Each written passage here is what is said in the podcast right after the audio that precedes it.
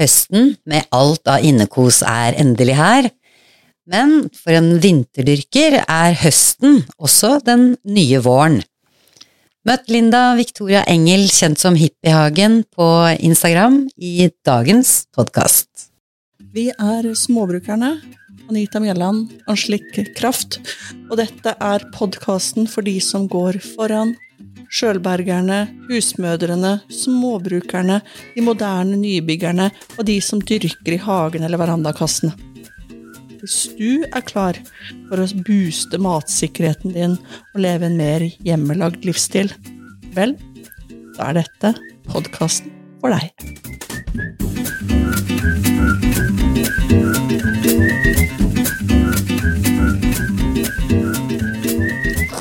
Nå har vi jo drøyd eh, den eh, sommeren så eh, lenge vi har kunnet, syns jeg. Enkelte vil vel kanskje si at vi har tviholdt på sommeren? Jeg syns ikke det er feil, jeg. Nei, ikke heller. De lyse Altså de lyse ettermiddagene som vi fortsatt har, som enda Vi er ikke i november, liksom. Nei. Det, og, og, så, lenge man har begrepet norsk sommer, så, så rommer jo det mye.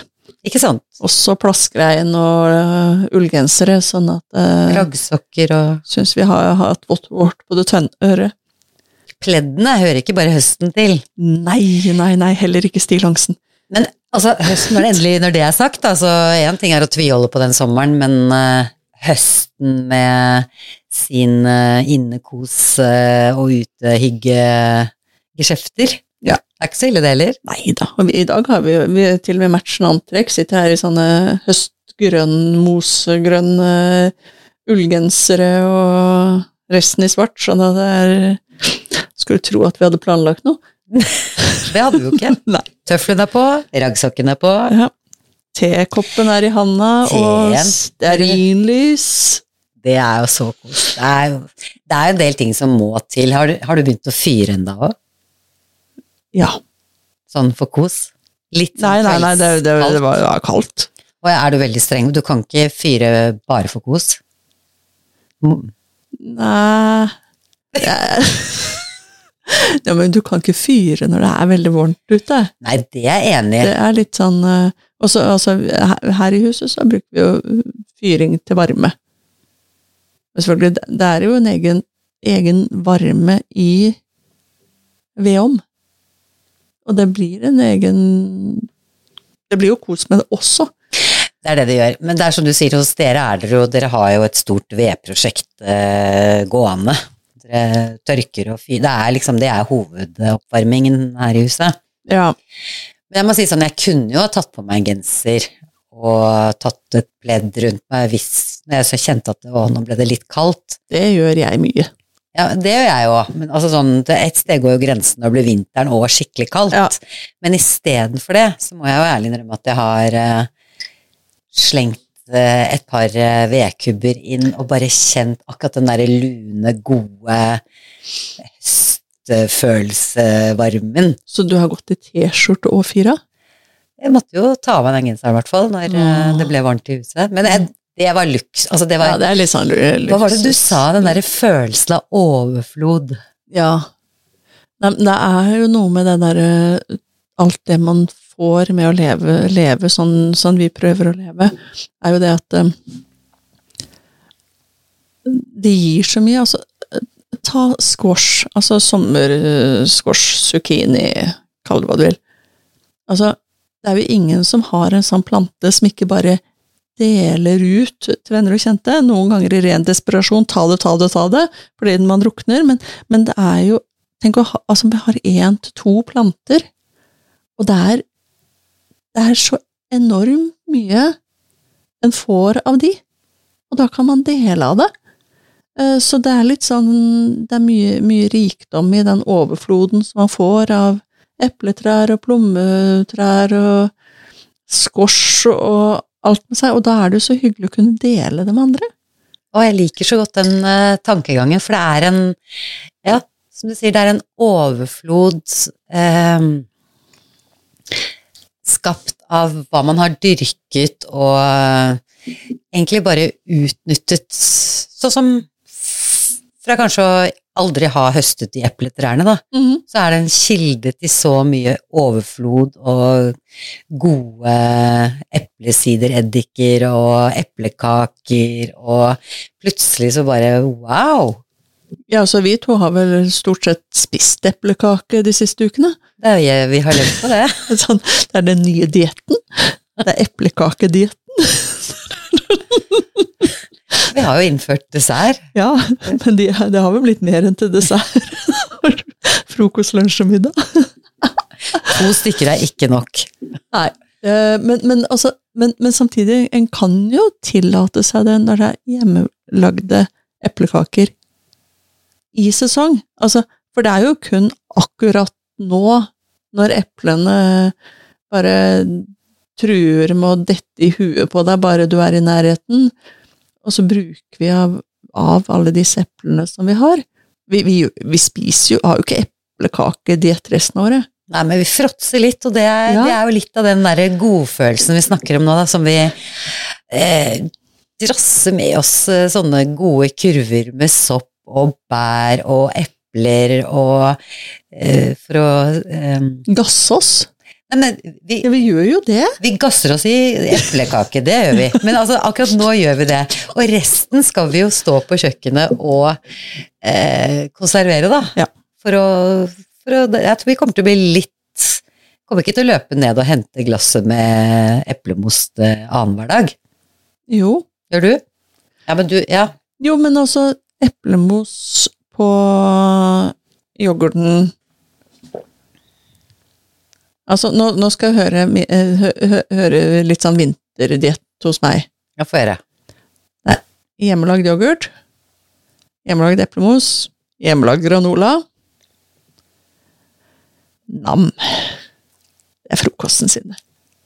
Altså, det har du fast? Ja, ikke ufast. Så, så det er eh, Og da går det en del eplemos også. Og jeg, da lager jeg en Jeg begynte å lage den uten sukker. Da For jeg har, har eh, mye honning i granolaen. Og da kan det bli litt mye. Så ellers så går det an å hive på litt uh, lønnesirup eller honning når en skal spise. Ja, men vet du hva, da skjønner jeg det. For som du sier, du har, det er jo implementert eh, disse tingene du dyrker og Men kan man hive det i smoothien hvis man er smoothiedrikker? Ja. Og så kommer du litt Men jeg, jeg, jeg tenker at jeg er ikke typen som går og høster tre bøtter med tyttebær. Så Nei. Hos meg så er jo rørte tyttebær er luksus, for jeg har kanskje en liter Ja. eller to. Jeg òg. Jeg, har, jeg bruker Ja, ikke sant? Jeg har ambisjoner hvert år. ja, ja. Men Feiler hvert år. noen ting gjør man jo Altså sånn For eksempel sopp har vi jo gjort mye av i år igjen. Ja. Det oppveier for alle tyttebærene, syns jeg, da. Ja, ja, ikke sant. Det er altså de, og de fryser vi, eller tørker og Så det er ikke noe sånn, altså sånn Da måtte jeg jo hatt en låve, da, hvis jeg skulle liksom lagret og høstet og holdt på, men det er derfor jeg sier Ja, ja. Men la meg bare komme og si at da jeg syns et glass med eplemos, eller hva var det jeg fikk, verdens deiligste sånn derre kreklegelé på en sånn lite glass, som ble servert som en venninne hadde lagd. Ja, den kreklinggeleen. Vi snakka vel litt Ja. om den sist, gjorde vi ikke det? Ikke sant? Det er jo det er også overflod, eller det er en sånn luksus som man må liksom må, Den kan jeg ikke liksom spise opp alt med en gang. Men den må spares og nytes og der og da. Og det er en egen glede ved det òg. Mm. Og så disse geleene, de holder jo lenge etter det at de er åpna, sånn at det er ikke noe Trenger ikke å stresse med det. Nei, nei, nei.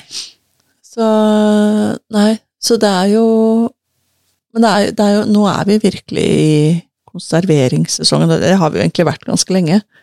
Eh, Men vi vi starta litt med at våren er det Nei, høsten er det nye våren.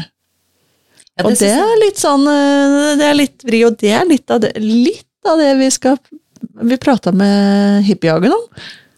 Ja, det var egentlig hun som eh, lanserte det uttrykket, og det Linda Engel heter hun, Mm. eh, med Sada sin hippiehage, som er hennes eh, Det hun er kjent som på Instagram. Mm. hvor hun kommer med sine råd og tips, og hun eh, mener helt klart at det er ikke noe grunn til å liksom legge beina på bordet og vente til våren med å finne på noe nytt nå. Nei. Det er absolutt ting man kan så. Ja, Og det men nå haster det igjen.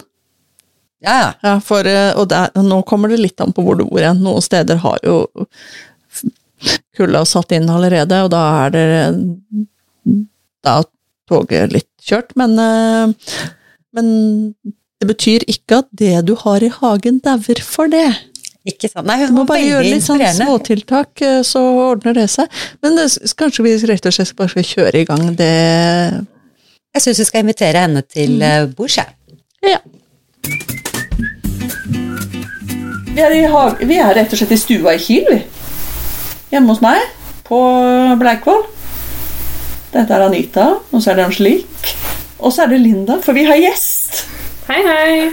Og det har vi jo lovet at vi skal ha med litt sånn ujevne mellomrom, så vi er eh, skikkelig fornøyde med å ha deg på besøk eh, med hippiehagen din her i Kiel. Jo, takk. Det er veldig hyggelig å være her. Ja, nei, men det er du, Nå er det sånn, vi, vi prøver jo å kjøre sånn kaffeslabberas, vi. Det ikke ikke det så formelt. Men hippiejager er det sikkert noen som kjenner fra Instagram. Ja. Og hippiejager bor i nabolaget vårt. Vi kaller det nabolaget. Ja. Selv om det er nabokommune, men det er jo ikke akkurat langt. Det er absolutt ikke langt. Nei. Så, men, øh, men det Kan ikke du fortelle litt om øh, bakgrunnen og tankene rundt hippiehagen? Fordi jeg, jeg syns den der historien er ganske gøy. Um, hippiehagen som konsept starta jeg nå i våres med Instagram-kontoen. Mhm. Men tankene har jo vart mye lenger enn det. Det har jo vært eh, Jeg har jo vært opptatt av dyrking så lenge jeg kan huske, egentlig. Og så var det i 2016, da jeg møtte samboeren min, så bestemte vi oss for at vi, vi skulle kjøpe et småbruk sammen. Så kom vi, på, kom vi over det her småbruket i Kroken. Men du, det er, det er, det er liksom men, For du er jo ikke fra det området her. Og hvordan kommer man da over et småbruk i Kroken, som ligger i Drangedal? Eh, som det er liksom ikke sånn eh, For det er Lørenskog du er fra, er det ikke det? Ja. Nei, det, Eh, det- det er var ikke litt logisk. Det er litt tilfeldig. litt tilfeldig, men også litt uh, mening bak. For um, familien min har hatt hytte på Skåtøy så lenge jeg har levd. Og jeg har alltid følt en veldig sterk til tilknytning til Kragerø. Mm. Og samtidig så er uh, kroken eh, Ja, kroken ligger veldig nærme og har samtidig en del av de fasilitetene som det er litt vanskeligere å få i Kragerø. Blant annet det her med billig nedlagt småbruk som Ja. trenger en uh, kjær hånd. Mhm. Eh, Så når vi begynte å kikke på Finn og kikke på kart, så bevegde vi oss litt ut i periferien, og så fant vi det her småbruket, og da bare Det sa egentlig bare pang, og så la vi inn et bud rett etter å ha vært der og kikka, og, og så ble det vårt.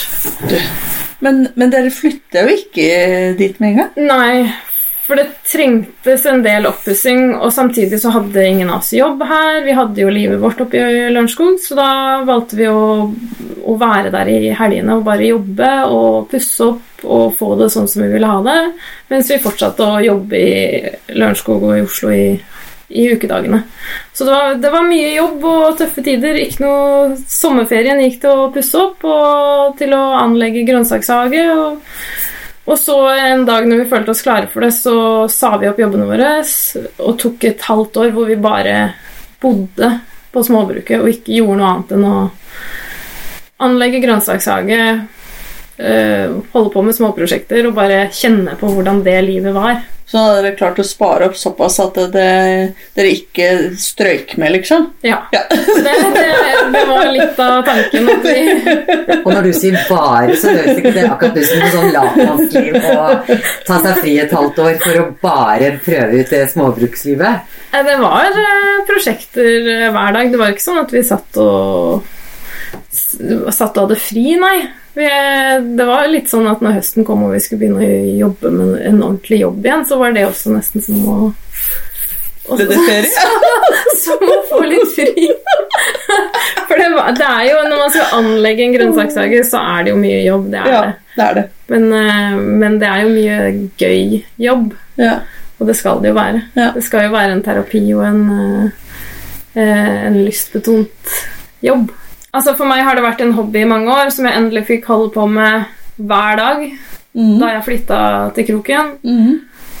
Og så ble det til en hobby som jeg ønsket å dele med andre, og Instagram-kontoen Hippiehagen ble til fordi jeg ønsket å, å spre inspirasjon og tips og råd til andre. Mm. For jeg tenker at eh, hvis jeg kan bidra med noe der, da, så er det, det er, så er det så verdt det. For det er så, det er så mye informasjon der ute. Og man kan kanskje noen ganger føle at man drukner litt i, i det sosiale mediehavet av informasjon og Ja, for det er, også, det er jo himla mange som holder på med sånn eh, dyrking og sånt også på sosiale medier. Altså det er eh, men, men du skiller deg jo litt ut fra, fra en del av det. Ja, altså tanken bak det hippie-konseptet er jo at vi, øns vi ønsker å Hva skal jeg si Vi ønsker å fokusere mer på hvor enkelt og hvor billig det faktisk kan være å dyrke mat. At uh, man ikke nødvendigvis trenger alle de der eh, dyre, fancy, nymotens greiene som man får i Som man leser om i reklamemagasinene mm. for å lykkes med å dyrke mat i egen hage. Det, det handler om eh, å komme litt tilbake igjen til det der med Ja, men den permakulturdelen hvor man spiller på lag med naturen, man bruker naturens egne ressurser. Mhm. Hva tenker du spesielt på da? Det er sånn eh, Sikkert noen som kommer til å lure på hva, hva betyr det? F.eks. det at man bruker eh, gjødsel fra egen hage, sånn som gressklipp, Mhm. som er bare et helt fantastisk eh, produkt som man aldri burde kaste. Men Du, det er helt utrolig, den der, det der gresset. Jeg tenker er- med gru på alle de åra jeg har frakta gress vekk opp på, på, en måte på gjenbruksstasjonen, hvor det er sånn hageavfallsdel her. ja, det kan jeg ikke forstå at noen gjør. Nei, men det, jeg kunne det ikke. Og så, ja, så var det litt at jeg var redd for med jorddekk og sånn, eh, for vi hadde ekstremt mye sånne mordesniler her. Ja. Eh, at det vil bare bli enda flere. Så det, det var litt det òg, da. At det var uh, den kampen mot sniler. Men det har jo faktisk blitt, egentlig blitt mindre sniler etter at jeg begynte med gressjorddekke og mye bedre avling. Det er bare sånn Hallo! Ja, det er, Det er det, det er akkurat det som er med, med egentlig alt organisk materiale som du tilfører til jorden. Da. At jeg, jeg er helt overbevist om at det er mye bedre for hagen og for plantene og for dyra enn den kunstgjødselen og alle de her nymotens tingene som du som du blir frista til å kjøpe fordi det skal være så enkelt. Du skal ja, men sånn som for eksempel eh, kunstgjødsel, som, mm. som har blitt veldig populært å bruke Ja, det har vært populært i alle år. Min Ja. bestemor som, som bodde her, hun brukte jo kunstgjødsel. Og det tilfører ingenting til jorda. Eh, og det gjør ikke bare at eh, de positive nyttedyra ikke kommer på besøk, men det gjør jo kanskje også at, eh, at skadedyr eh, kommer lettere til. Å, åssen da? Nei, men det handler om at, eh, at hvis, hvis du åpner opp for at alt mikroliv er velkommen, så vil det skape en form for symbiose der, hvor de Mhm. nødvendigvis ikke Hvor du nødvendigvis ikke behøver å gripe inn så mye for å f.eks. Ja, men sånn som f.eks. spinnmidd, da. Ja. Som veldig mange har problemer med i drivhus og i hage. Ja. Der har jeg opplevd at hvis jeg f.eks. lar edderkoppene komme inn og bosette seg Ofte så kan du se at de har lagt egg på plantene. Mm. Der er det veldig fristende å gå og fjerne det, for man har kanskje ikke har lyst på Edderkopper? titusenvis av edderkopper i inni nei, det er mange som syns at edderkopper er noen skumle greier. Men de spiser jo disse spinnmidlene, så man bør jo egentlig bare la de ligge.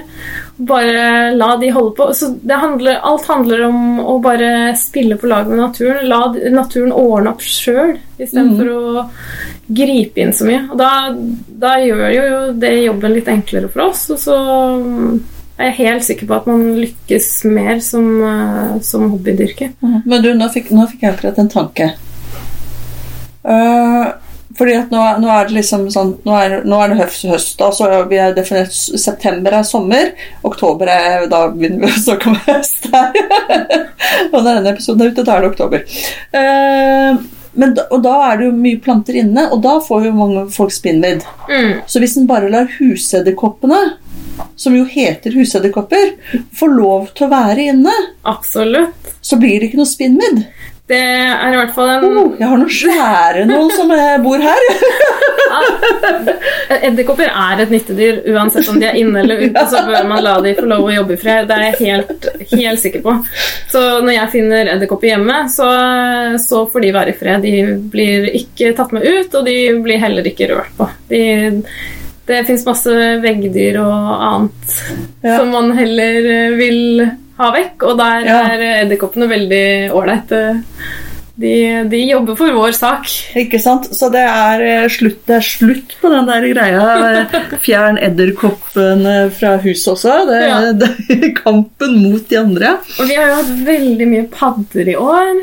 Og de også er jo det er jo kjempegøy. Ja, og altså De er det jo bare å ønske hjertelig velkommen. De spiser snegler og larver, og vi har hatt så lite problemer med larver på kålplantene i år. Jeg er helt sikker på at det er fordi fuglelivet er så aktivt, og vi har padder, vi har andre typer insekter. De lever eh, sammen oppå hverandre i en sånn her perfekt eh, liten symbiose i, i hippiehagen. Du har rett og slett laget en sånn, sånn ren kjærlighetshistorie som inneholder alt, inkludert eh, drap. Eh, ja. Slipper jeg å Drepe? Ja, jo, men det er jo øh, er, Du er egentlig en sånn mastermind øh, Super-antihelt-greie. Så bare du, du, du, du, du, Har du en egen sånn lille mafiatropp? Der er meg, vet du. Surrer seg inn i greia. Men, Jeg blir litt opptatt av, som du sier, altså det dere dyrker eh, Kjøper dere grønnsaker i butikken, eller er, eh, spiser du kun det dere dyrker selv? ja. Vi prøver jo så godt det går å la være. Og det er jo det er også en greie at man, noen ganger så blir man frista til å gjøre det. fordi man har jo en hverdag som dukker opp innimellom hvor man føler at tiden ikke strekker til, og det er fristende å Det er noe med hvordan matbutikken og hele samfunnet har lagt opp. Mm, Du blir frista til å bare gå og kjøpe ting ferdig. mm. Men så er det det å ta seg sjøl i skinnet og bare eh, etter mørkets frembrudd ta på seg hodelykta og leite opp grønnsakene ute i hagen og lage noe ut ifra det man faktisk finner høsteklart. Da. Om det er da kål eller litt tomater eller altså Bare ta med seg kurven, høste det som er, og så finne ut hva blir det til middag ut ifra det. da. Mm. Hva, hva blir da den Er det noen, noe som går igjen? Av type den vanligste retten i hippiehagens kjøkken? Du, det er mye sånn Buddha bowl og sånne ting, for da er det bare å kutte opp alle grønnsakene i små terninger, og, så, og bare dandere det oppå ris, f.eks., og så Ja. et eller annet eh, protein ved siden av det, så er det det er knall, altså. Ja. Er, det, eh, nå er det jo mye agurk, tomat, paprika eh, Jo, men forskjellige typer kålvekster som er gode, like gode rå som, eh, Ja. som kokt og stekt. Det er så godt å høre flere enn oss som er, er liksom kålfan. Ja, veldig.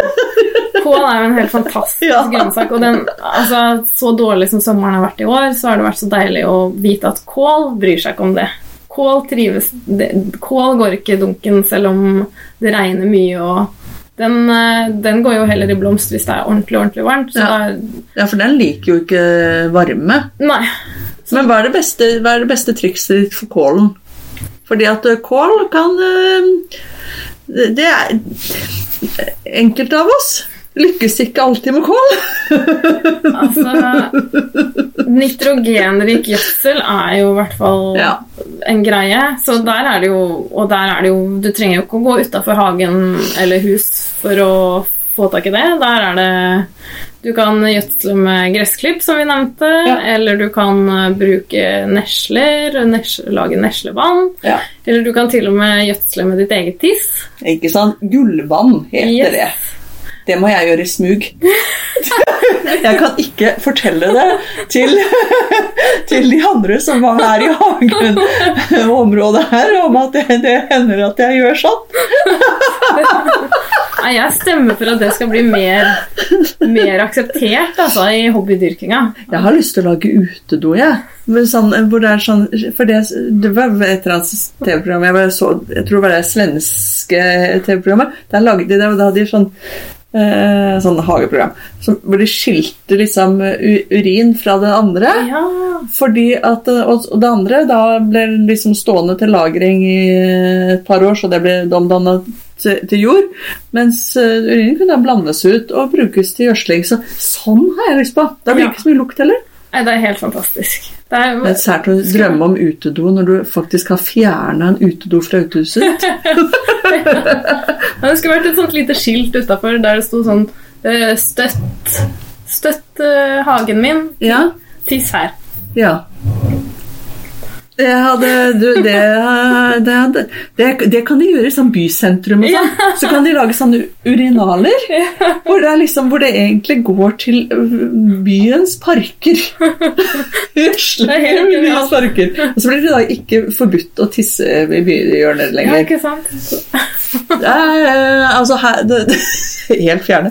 Men, men, det er, men det er jo viktig. Det er en greie. Det er mye næring i det. Absolutt. Ja. Og det, kålplantene er en av de som virkelig, Ah. virkelig syns at det er helt knall, altså.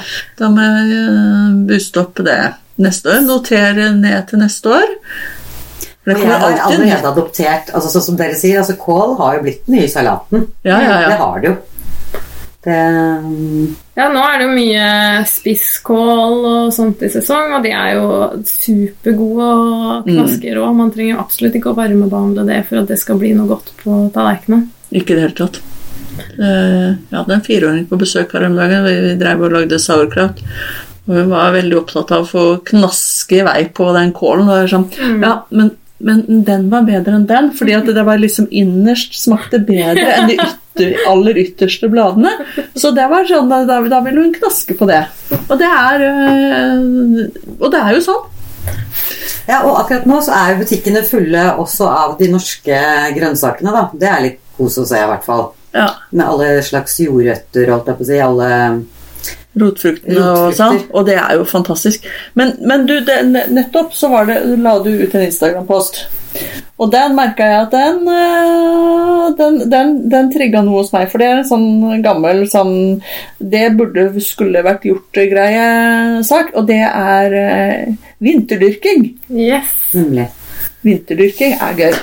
øh, tror jeg. Vinterdyrking er jo Vinterdyrking er jo så mye. For det, i Norge hvor det er kaldt størsteparten av året, Ja. så, så handler jo egentlig vinterdyrking bare om å utnytte de månedene av året hvor det ikke er varmt. Mm. Så vinterdyrking kan man jo egentlig begynne å tenke på allerede i juli. Og så er det, det er snakk om å, å, å, å behandle høsten som en ny vår, da. Og, Ja! For, å forklar det, Nei, men for det er en god tanke. Altså Istedenfor å pakke sammen kjøkkenhagen og legge lokk på drivhuset i september, Mhm. så røsker man opp de her subtropiske vekstene som har gjort sitt, da. Og så gjødsler man på nytt og setter ned grønnsaker som faktisk tåler kulde. Mm. Og mange av de her grønnsakene, hvis du gjør en liten innsats, så kan de stå der i mange frostnetter og fortsatt gi masse god mat helt ute i desember. Oh, hvilke, hvilke er det du tenker på da? kålplanter generelt er jo en slager. Det går Bruker ikke det himla lang tid? Jo, men hvis du forkultiverer dem Ja, til rett tid, så har du grønnkål i drivhus i desember. Men grønnkål er jo en plante som også trives godt ute midt på vinteren. Ja, den er gøy. Den har jeg. Litt for mye i, forhold til eh, egen gane, men likevel. Det kan du høste hele vinteren. Absolutt. Og det altså, så har du jo sånne ting som pak choi og kinakål, Mm. og selvfølgelig forskjellige typer salatsorter som tåler litt uh, kulde. Mm. De bruker jo litt kortere tid på å vokse, så de er jo fantastiske. Og de kan du fortsatt så nå. Mm. Er Spinaten er vel også en av de For det er jo gjerne de som en start Det du sier med ny vår, er jo egentlig at de tingene som en kan plante ut og så tidlig på våren, det blir mye av det samme som du nå kan egentlig kjøre på høsten. Absolutt. Det, er- altså, så lenge de tåler litt kulde, så det, så er det bare å kjøre på. Og når, når høsten, eller når senhøsten og vinteren kommer, Mm. så skal de jo gjerne ha voksa seg såpass store at det er noe å høste der, og da er det bare å rett og slett beskytte det som allerede har vokst seg til. Fordi når frosten kommer, da kommer de ikke til å vokse noe særlig mer. Da, da går de på en måte i en sånn form for dvale. Ja. Men Da er det bare å rett og slett beskytte det. Det enten Så da man- blir det kjøleskap, på en måte? Ja, ikke sant? Det er, det det det- er nettopp det. Altså, enten så bruker man jo drivhuset og fortsetter å dyrke der eller bevare de her grønnsakene, eller så kan man lage små improvisoriske drivhus ute i hagen, Mm. hvor man eh, beskytter med lokk eller med minidrivhus eller fiberduk. Mm. Noen bruker til og med ull. Eh, først- altså, du kan jo dekke over ting med litt blader osv. Mm. Men vinterdyrking handler jo også om det her med å, å, å bruke hagen som en oppbevaringsplass. F.eks. gulrøtter har du jo kanskje bedre der de står, ute i hagen, med litt løv og etter hvert litt snø og sånn oppå seg, enn at du skal røske opp alt sammen og putte det inn i et fuktig kjøleskap. Mm. Det er faktisk sånn at eh, mye har, eh, har bedre av å bare stå der det er. Da. Og sånn som purre og andre typer løkvekster kan man nappe opp, og så kan man legge det i en bøtte med jord. Og så setter du ut i drivhuset, og så bare står det der, så høster du utover vinteren. Mm. Og det er samme Purren hadde jeg i fjor, og da, da Den sto eh, i pallekarmen sin, så selv når det liksom lå en halvmeter snø, så tusla jeg ut og høsta purre. Jeg fikk ikke dratt den opp, der, for det var jo båndtæle, men det var jo bare å kutte av eh, så, så, langt ned jeg kom. Og da hadde jeg fersk purre, og den var ikke båndfrossen. Den var helt mm. fin. På, mot våren så ble den litt guggete. Ja. Men uh, det var jo ut- utrolig gøy. Der sto den. Rådyr har lekt den òg. ja. Det, jeg syns det var greit å dele, jeg. Det var. Det er det som er fint. Det er alltid nok til begge. Men det er, det er jo helt fantastisk at den kan gjøre det. Og så har man f.eks. salat eller noe kål eller noen løkvekster ute i hagen nå som ikke har kommet seg sånn som man hadde håpet, så går det an å grave det opp og flytte det inn i drivhuset når det blir ledig plass der. Mm. Og da får de litt eh, den derre boosten For det blir varmt inne i drivhuset selv om det er kaldt ute når sola står på. Ja, så, men for du, har, har du, er det ikke sånn at du ikke kjører oppvarming i drivhuset? Ingenting. Og det er mange tenker, når, når jeg sier vinterdyrking, så er det mange som tenker at jeg har et sånt lite vekstrom inne med varme og vekstlys Lys og og alle sånne ting? Hele poenget med hippiehagen er at det skal jo være lønnsomt å holde på med det her. Jeg må, jeg må bruke det naturen tilbyr. Jeg kan ikke Jeg har ikke økonomi til å holde på sånn. og Ikke har jeg lyst til å gjøre det heller. For jeg, å dyrke mat, da skal jeg gjøre det etter naturens prinsipper. Mm.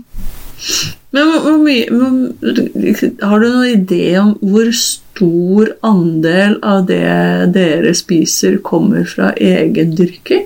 Har du en prosent? Er jeg grisenysgjerrig her? Er umulig, vrient å regne ut, Ja, det, selvfølgelig. er, det er veldig vanskelig. Jeg skulle, det jeg kan si er at jeg skulle alltid ønske at det var mer. eh, ja. Og det er jo det man jobber for. Hvert år så, så har man større og større planer for hvordan man skal komme enda nærmere den selvbergings... Mm. Det at man, ja, man blir flinkere på konservering og tørking og frysing. Teste ut forskjellige ting for å komme dit, da. Mm. Så, og vi, har jo, vi er så heldige at vi har en sånn gammeldags potetkjeller der vi Det er så deilig å ha. Og i fjor så høsta vi masse, masse store, fine rødløk. Ja. Og jeg må ærlig innrømme at jeg glemte de litt. Jeg bare satte de i en kurv i kjelleren Nei. og glemte de litt. Og så kom jeg på det nå for et par måneder siden at å ja, det var de løkene. nei. Og så gikk jeg inn og kikka, og de var fortsatt like fine. Nei. Så vi har nettopp spist opp de siste rødløkene som jeg høsta i, i oktober i fjor. For det er helt fantastisk, for jeg, jeg har også en sånn gammel kjeller, og den er for fuktig til å ha løk, i hvert fall i en sånn kurv de kan henge, så de har jeg i en kald gang. Den... Men den der, det må jo være en helt fenomenal eh, Ja, de kjeller. jeg er ganske streng når det kommer til sånn mugg, og jeg kaster det hvis det er antydning til at det er dårlig. Ja, det er okay. Men det Og da blir plutselig alle redde for å komme og spise middag hos meg. Jeg er sånn som kutter bort. Men Nei, nei, det, de var knallfine. Så Så det Igjen, da, det handler om det der med å bruke Ja, ikke sant Har man en sånn type mm. kjeller eller noe lignende, mye bedre enn å putte det inn i kjøleskapet. Handler, var- men det handler jo også litt om hvilke altså For rødløk er jo fort en av de som ikke er så lagringsdyktige Mm. som, som gulløker, så du må jo finne du må sjekke det når du kjøper frø. ja, ja, At det, er en sånn, at det er en lagringsvariant. Og så, så, men så vil, Hva het den? For den der Den vil jeg ha. det, jeg, det kan jeg finne ut av, men uh, Ja, for det, det, den tipper jeg det er flere som vil ha. Den Ja. sorten der som holder så godt. For det er ikke alle som holder så godt. Nei, det er det ikke. Men dette her var sånn klassiske, gode, runde, svære rødløk. Og det de, Jeg har jo i mellomtiden, da, det er jo nesten flaut å si, men i mellomtiden så har jeg kjøpt rødløk på butikken som jeg har hatt i kjøleskapet en viss periode, og så har jeg kanskje ikke rukket å spise opp alle, og så har de blitt dårlige. Nei. Men det er jo utrolig, et sånt utrolig morsomt eksperiment, da, for da har man på en måte fått testa det. At det, rødløk fra butikken Mm. Det, som man legger i kjøleskapet, det holder jo mye mye dårligere enn rødløk som man høster fra egen hage og faktisk har i kjelleren. Mm. Og det koster jo ingenting å la det ligge der. Nei, og sam, gulrøttene jeg, jeg, hadde, eh, jeg har gulrøttene lagra i, i kjelleren i sand. Mm. Og da i, mm, Men jeg, i fjor hadde jeg tønner, nå har jeg skifta for der tønna. Ble, det ble så mye å grave ned. Det ble litt så kronglete. Så jeg, jeg tømte den tønna nå når jeg skulle lagre de årets. Da, for den er så tung. Også så var det litt vrien å løfte opp. Men i bånn der var det et par gulrøtter igjen, og den ene var bare å kutte av endene på. Den spiste jeg i forgårs. Ja, Og da, det, den har ligget der i over et år. Det er jo helt fantastisk. Absolutt. Det er det, altså, det er det vi burde bli flinkere på, rett og slett. Og ja, men lære hverandre hva som skal til for å kunne oppvare grønnsakene lenge. Mm. For da behøver man ikke å bare dyrke mat to til tre måneder i året, og så leve av butikkenes grønnsaker som eh, ikke kommer fra Norge, den andre siden av jorden. Og bare de to eksemplene her. Altså, det er én pakke rødløk og én pakke gulrot.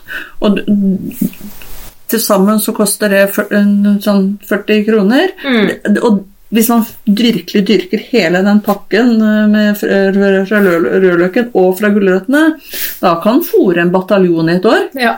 Ja det er, For det er mye. Jeg er nødt til å fordele de over et par-tre år, jeg, for så mye spiser ikke vi. nei. Det er ikke snakk om. heldigvis så er det de anvisningene på frøpakkene om holdbarhet og dyrking og Altså, de det bare å overse. Jeg bruker fortsatt frø som jeg kjøpte for kanskje åtte år siden. Ja, altså. Det Kommer litt an på. Jo da, men igjen kanskje Vårens med romanosalat, som var en stor flopp hos meg, så viser jeg Å ja, de var så gamle, ja. Ja, ikke sant? Det kommer ingenting. Nei, det er, men igjen så kanskje det handler om oppbevaring. Da. Det Ja. er med Hvordan oppbevarer du frøposene dine? tørt i et skap. Ja. Men eh, det kan jo være tilfeldigheter, selvfølgelig. Ja, nei, mine blir jo utsatt for alt. Ja. Det er jo eh, hardt, hardt liv ute i hageboden min. Der er det fra den varmeste sommer til den kaldeste vinteren, for den er jo uisolert. ja. Så ja, ja. Ja ja, men vet du hva? Det er jo bare eh, for noen inspirerende samtaler dere to har hatt nå. Jeg tror Jeg har glemt håper- hele deg, vet du. Du må jo hive deg deg nei, på. men jeg, jeg tror jeg har sådd masse gode eh, Eller dere har sådd masse inspirasjon nå til å kanskje sette i gang med en vinterhage snart. Eller vinterdyrking. Det er i hvert fall noe jeg anbefaler alle å gjøre. Ikke pakke sammen grønnsakshagen i september-oktober, men fortsett å bruke det drivhuset for det det er verdt. Ikke, jeg ser mange bruker det kanskje ikke i det hele tatt, eller bare til oppbevaring av hagemøbler og sånn. Sett de hagemøblene en annen plass, Ja. og bare strø noen frøposer ned i bedene der. Og altså Man vet aldri hvordan høsten og vinteren blir i Norge. Noen ganger så kan det være den knallhøsten med så mange fine, varme dager. Mhm. Og da er det jo så kjedelig å se tilbake igjen på det, den muligheten du hadde Ja. til å dyrke noe, og du tenkte at nei, det går kanskje ikke, og så sitter du der med skjegget i postkassa. Ja, så merker jeg at det der jeg, jeg hadde jo en ambisjon i, i sommer på en sånn dag hvor jeg var litt i, i form, og så sådde jeg et svært pluggbrett med forskjellige ting som skulle ut i august. Står der jo fortsatt. Så da tenker jeg at det, nå ble det jo fint vær i dag også. Det skulle jo ikke være det. Jeg, jeg tror jeg skal ta og røske litt opp av det ugresset som er i noen pallekarmer og drivskapene mine. Ja, altså, Og så vinterdyrke litt. og få planta dette her ut, så kanskje det blir noe av noe av det. Ja, Ja. det høres helt perfekt ut. Ja, men det var uh, veldig hyggelig å ha deg på besøk, eh, Linda. Det var veldig hyggelig å komme. og Hippiehagen. ja, veldig koselig.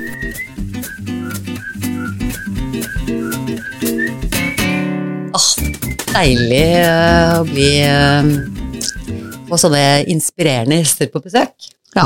Ja. Det, det var jo et lite spark bak òg, kan jo si. For eh, har en vært litt sløv, så er det jo bare å hive seg rundt. Eller hvis en kanskje ikke har visst om dette her. Nei, men jeg hørte du ble litt sånn Du fikk litt eh, energi av eh, Linda. Ja, ja, ja. Eh, gjorde det. Og det, er, eh, og det er så bra, og det er så viktig. Det er, det er ikke derfor vi har og følger med på, på sosiale medier, på inspirerende mennesker, om de er så er på Instagram eller YouTube eller, eller en podkast eller hva som helst, altså noen som snakker om noe som du er opptatt av. Det hender at du får det der lille dyttet til å gjøre det ved å lytte til andre. Ja, men i aller høyeste grad. Jeg merker det bare på deg og meg, hvordan uh, en uh, Altså, det å sam... Eller sam... Det å ha en samtale, eller uh, gi hverandre den der lille Kom igjen, det får du til. Mm.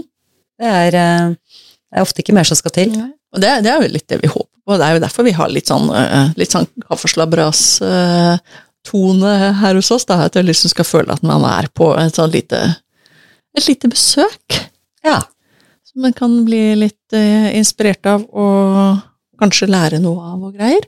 Og noen kan mye, og noen kan lite, og jeg blir litt sånn Jeg føler meg i siste kategorien der, og tenker at eh, ok, hvis høsten skal bli ny vår nå, da, så ok, det er aldri for sent å begynne, i hvert fall. Aldri for sent. Men det er jo ikke absolutt alt som er hentet inn fra hagene heller ennå.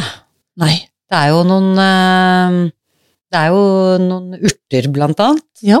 som begynner å haste. Nå begynner det å haste veldig for basilikumen hvis, du, hvis den fortsatt lever hos deg, for den er jo en pingle av en annen verden. Den står på trappa, den. Så, så nå er det bare sånn eh, Etter at denne episoden er fer eh, hørt ferdig, så må du bare løpe ut og plukke den inn. Og redde den. Ja. det må Hva jeg, gjør du det med basilikum? Putter du den i fryseren? Eller tørker du? Nei, si noe Den er litt sånn Ikke uh, Den er ikke noe særlig når du putter den i fryseren. Det blir sånn den blir sånn guggete når man tiner den. Brune blader. Ja, den er ikke noe fin. Nei, men, eh, så, men den er jo fin å lage pesto av, da. Det er den. Uh, Og pestoen kan fryses. I aller høyeste grad. Uh, trenger ikke å fryses, men eh, jeg pleier gjerne å gjøre det på, akkurat med pestoen. Eh, Men så Det går an å tørke den, men samtidig du mister litt den der freshe, freshe smaken eh, på vanlig tørking. Hvis man har frysetørker som man drømmer om, så bevares visst smaken, men det, det har vi ikke ennå. Um, og så Så derfor er det mye vært pesto. Men det jeg har tenkt å gjøre med mine siste rester i år, er å legge de på olje. Ja, altså ikke får lage eh, pesto, men rett og slett legge de, legge Olje de ned med- på olje. basilikum Nja, men, det, det, litt, men de skal også ha med litt salt. Og så Åssen var det igjen? For dette her så jeg på en eller annen sånn eh, video. Uh, åh, jeg husker ikke. Men det var jo for at man skulle synke de i olje, og så kan man bruke de som Bruke bladene. olje... olje bas, ikke basilikumolje, men bladene. Mm. Det var noe greier der. Så tiden er ikke over for mozzarellasalaten, Nei, det det prøver å si. Nei, jeg, jeg tror ikke det. noen, du kan ha noen mm, oljemarinerte basilikumblader. Ja, og så så jeg en annen ting som også så, ser litt gøy ut, og det er visst en sånn trendprodukt som dukka opp, jeg tror det var i fjor, jeg, i England i hvert fall, Uh, hvor man har lagt uh, urtene tett i tett, altså masse urter og litt eddik, Uh, og så er det blitt mosa. Altså ikke det derre man lager bringebæreddik, man legger bringebær på eddiken, ikke sant, og så siler man det fra etter en stund, og så har man bringebæreddik. Ikke sånn. Men da blir det en sånn in, Hvis det er en intens smak av urten, for det er så mye av den, og så bruker man bare noen dråper. For da er det blitt så konsentrert. Så det har jeg lyst til å prøve. Det hørtes ikke dumt ut. Hvordan det går, det vet vi ikke. Nei, men det noen, Nå er jo dette et nytt eksperiment. Ja, Men det kan ikke skade, i hvert fall. Altså, for både, øh, både oljen og eddiken er jo konserverende ting. Så det, det går helt fint. Så, så det var basilikum. Men dette, disse tingene kan jo brukes med de andre urtene òg. Absolutt, selv om noen av de andre òg er jo lettere å tørke da, Ja. og oppbevare. Ja. Ja, rosmarin, for eksempel. Den er jo kjempefin som tørr. Mm. Og den er jo en pingle som ikke så pinglete som basilikumen, men den kommer jo til å stryke med i vinter. Så den må fort inn. Ja. Så Mens det, timian derimot, den eh, så jeg til min glede, store glede har klart seg veldig fint og overvintra ute på Ja. Bærøy. Ja, og de kan jo, de kan jo høste av så lenge de ikke er nedsnødd. Eh, altså, hvis det er sånn nedsnødd at de, man kan grave seg ned til de, så går det fint, men ligger det en meter over, så blir det jo en kjempejobb å stikke ut og hente noe timian til middagen. Så da ville jeg vel ha høsta noe og tørka. Min favoritt-timian, altså det, jo, det passer til alt. Og den er hardfør, det liker jeg. Ja. Og det er, det er jo så gull, for da kan man jo tørke noe. Og så kan andre ganger så kan man gå ut og hente når det passer. Og så er det noen som lurer på åssen man tørker, og man må ha, og man må ha en tørker da. Og det må man ikke. Man trenger ikke ha en om engang. De kan jo bare Man kan ta en liten bukett, og så binde de fast til hverandre og henge de opp til tørk. Mm. Dekorativt også. Ja. Passer veldig godt på et småbrukerkjøkken. aha. Henger de veldig lenge, så får du også et lite anstrøk av støv. Heller ikke man dør av, de aller fleste av oss i hvert fall. Så, så, så det, jeg har hatt noen hengende så lenge at jeg tenker at med all den stekosen så har ikke jeg lyst til å bruke de. Så, så ta de, få det over på glass etter hvert. Det, det er et tips. Og estragon, samme greiene. Enten i en tørker eller i stekeovnen på sånn akkurat sånn at lyset går på temperatur, eller henge til tørk. Den er samme greia. Og skal vi se Sitronmelisse. Sitronmelisse, den har jeg aldri hengt opp til tørk. Den er, for den har, har ikke sånn stilker. Altså, den har ikke sånn Jeg har ikke så harde greiner, på en måte. Den er liksom mye, mye mer delikat. Så den har jeg bare tørka flatt. Ja, for jeg bare skulle til å si, for den også er jo veldig fin å tørke, samme som mm. mynten. Ja. Og veldig god i te, da. Ja, og de, de kan jo fint tørkes på et kopphåndkle et eller annet sted du har en åpen flate. Sånn at eh, man må ikke gjøre det for, eh, for avansert for seg sjøl. Putt inn kurv hvis du har, liksom. Det er ikke noe Så, så tørking er jo veldig tilgjengelig for, eh, for alle, vil jeg si.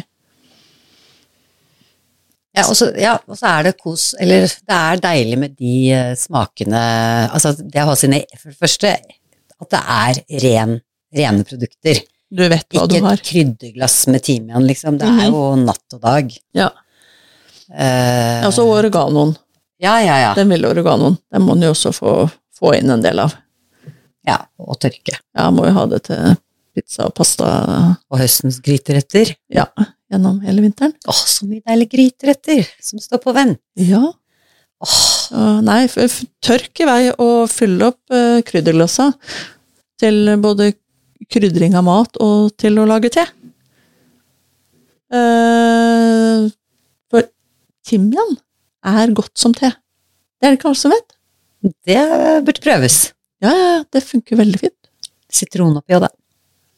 Du, sitronmelisse. Det er jo ikke sitron da, vet du. Vi har jo vår egen. Ja, ja, ja.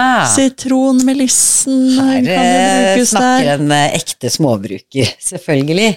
Timian, sitronmelisse, honning Mhm. i den sorte teen. Ja, eller uten. Eller rentørket. Så det, eh, ja. Men, det, men det, det er jo det som er kjekt. Man kan jo bytte litt på, avhengig av eh, dagsform og tid på døgnet. Mm. Så nei, bare godsaker. Bare godsaker. Så, så det var egentlig dagens plantetips. Var eh, plukk de der urtene og få de inn. Inn i hus. Jeg vet ikke hvordan det ser ut hos deg akkurat nå, men her vi sitter, så plasker det ned. Så Ja. her er høststemningen skikkelig god. Men vi har eh, Fullkommen, fullkommen høststemning. fullkommen høststemning. Det er bare å Vi har masse å finne på inne. Ja, ja, så nå har du støva ned i hele sommer, så Det er bra det ikke er så innmari lys så lenge og sånn. Alt ser så hyggelig ut i stearinlys, syns jeg. Og de der gule lampene som ikke bør være så bukka, sånn sterkeste amperen, liksom. vi går rett vi går hermed bort fra vår venn grisen til vår venn stearinlys. Ja, men da gjenstår det vel egentlig Og vi, har, vi pleier alltid å komme med en liten anbefaling også, som Ja. vi har introdusert her i sesong fire. Mhm. Og da lurer du vel ikke på hvem eh, vi ber eh, Hvis du har latt deg inspirere av litt vinterdyrking. Hvem du bør følge da? Nei, altså nå er- anbefaler vi jo utover å følge oss selv, eh, selvfølgelig. Så, så anbefaler vi jo Hippiehagen på Instagram. Hun er Gode råd. masse gode råd, og hun har Hun er ikke så gammel på Instagram, men hun har økt tilhengerskaren veldig fort. Så det er uh, one to watch, sier vi da. Det er vårt tips. Uh Kos deg med dine høstsysler. Nytt livet. Så høres vi. Ha det.